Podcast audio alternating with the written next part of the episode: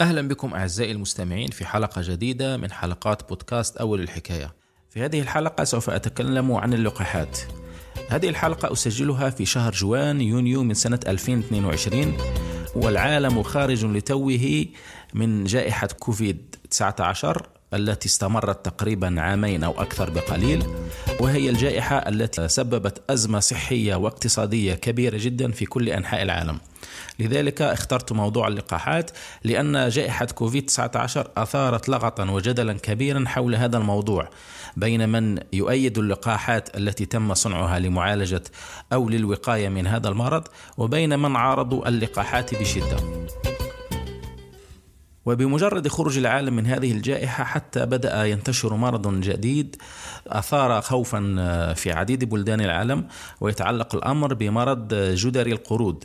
آه، وعند ظهور هذا المرض يعني بدأ المختصون يتكلمون عن إذا كان هناك لقاح جاهز لمعالجة هذا المرض ولتجنب ما حدث في جائحة كوفيد 19 وعندما نتحدث عن اللقاحات يجب أن نعود قليلا إلى بداية القرن الثامن عشر ميلادي آه، لأن تلك الفترة كانت تشهد آه، انتشار مرض الجدري الذي كان يقتل تقريبا حوالي 400 ألف شخص في أوروبا سنويا وهو مرض فتاك آه، تشير الإحصائيات إلى أنه يؤدي إلى وفاة حوالي ثلث المصابين به من البالغين وثمانية من بين كل عشر أطفال مصابين به. وحتى من كانوا يتعافون من هذا المرض ويعني يتفادون الموت به كان يترك لديهم آثار على الجلد وخاصة على الوجه لأنه من أعراضه يعني ظهور بثور هذه البثور تترك ندوبا عميقة في الجلد وكانت تؤدي أحيانا إلى الانتحار لأن كثير ممن تعافوا من هذا المرض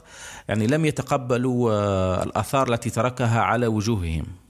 ومن العلاجات التي كانت منتشرة في ذلك الوقت لمرض الجدري آه، علاجات غريبة يعني صراحة آه، من بينها مثلا وضع المصاب في آه، غرفة ساخنة أو غرفة باردة جدا وكذلك الامتناع عن أكل البطيخ وكذلك لف أجسام المرضى بغطاء أحمر وكل هذه يعني العلاجات المتداولة في ذلك الوقت لم تكن تقي أو لم تكن تداوي مرضى الجدري.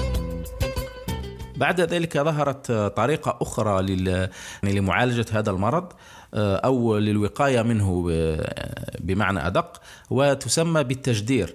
آه، هذه العملية تقوم أساسا على استخراج آه، الصديد من بثور لشخص مصاب بالجدري وإدخالها في جروح سطحية على جلد شخص سليم. أو بطريقة أخرى طحن قشور هذه البثور من شخص مريض وإدخالها في أنف شخص سليم. وخلال تلك الفترة انتشرت أخبار عن أن آه، الريفيات يعني السيدات الساكنات في الريف واللواتي تقومن بحلب الأبقار أنهن يعني يملكن مناعة من الجدري وذلك لأنهن أصبن بجدري البقر وهو نوع أخف من الجدري يصيب الماشية لكن يعني يعني هذه الميزة لدى السيدات الريفيات يعني لم تكن منتشرة ولم تأخذ آه، صدى كبيرا. هذا البودكاست يأتيكم من استوديو تي حيث الإبداع لديه صوت. لتحصل على المزيد زر استوديو تي dot FM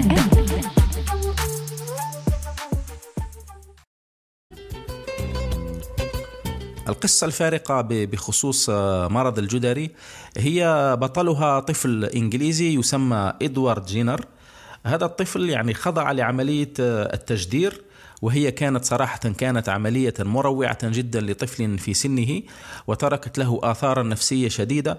لذلك لاحت له فكرة أن يبحث يعني عندما تقدم في السن لاحت له فكرة أن يبحث عن طريقة آمنة وأقل ضررا يعني بخصوص التلقيح.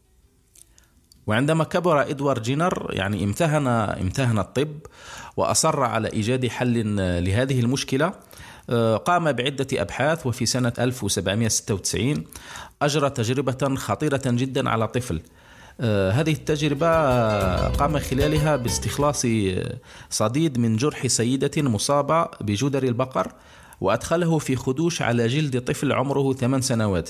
هذا الطفل بعد ذلك عانى من أمراض خفيفة لعدة أيام ثم تعافى. وبعد أن تعافى حقنه جينر بمادة استخلصها من بثور شخص مصاب بالجدري. والمفاجأة أن هذا الطفل لم يصب آه، بعد ذلك بالجدري. هذه الطريقة من اللقاح أو العلاج.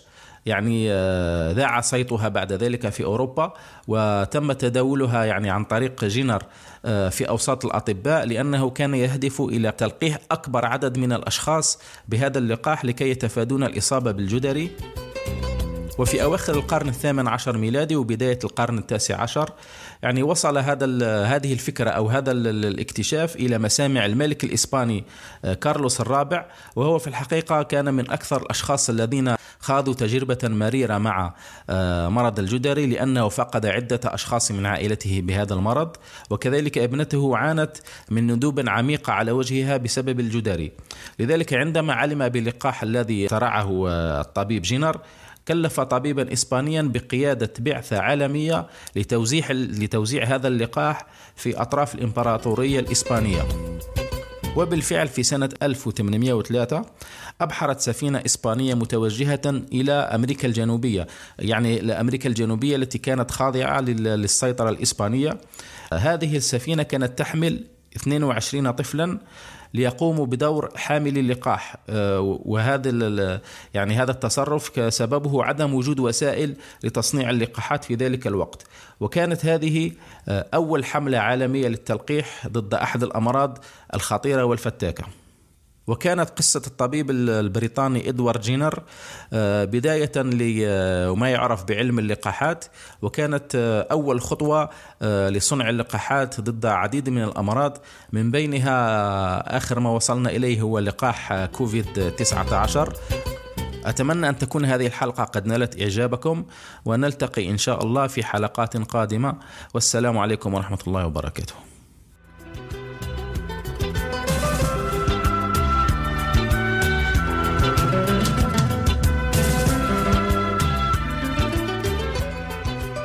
إذا أعجبتكم الحلقة فعلا يمكنكم مشاركتها مع من تحبون ويمكنكم متابعة كل حلقاتنا على عنوان how it all began podcast.com ونشير إلى أن هذه الحلقات تأتيكم دائما برعاية استوديو تي أستودعكم الله ونلتقي في حلقة جديدة إن شاء الله.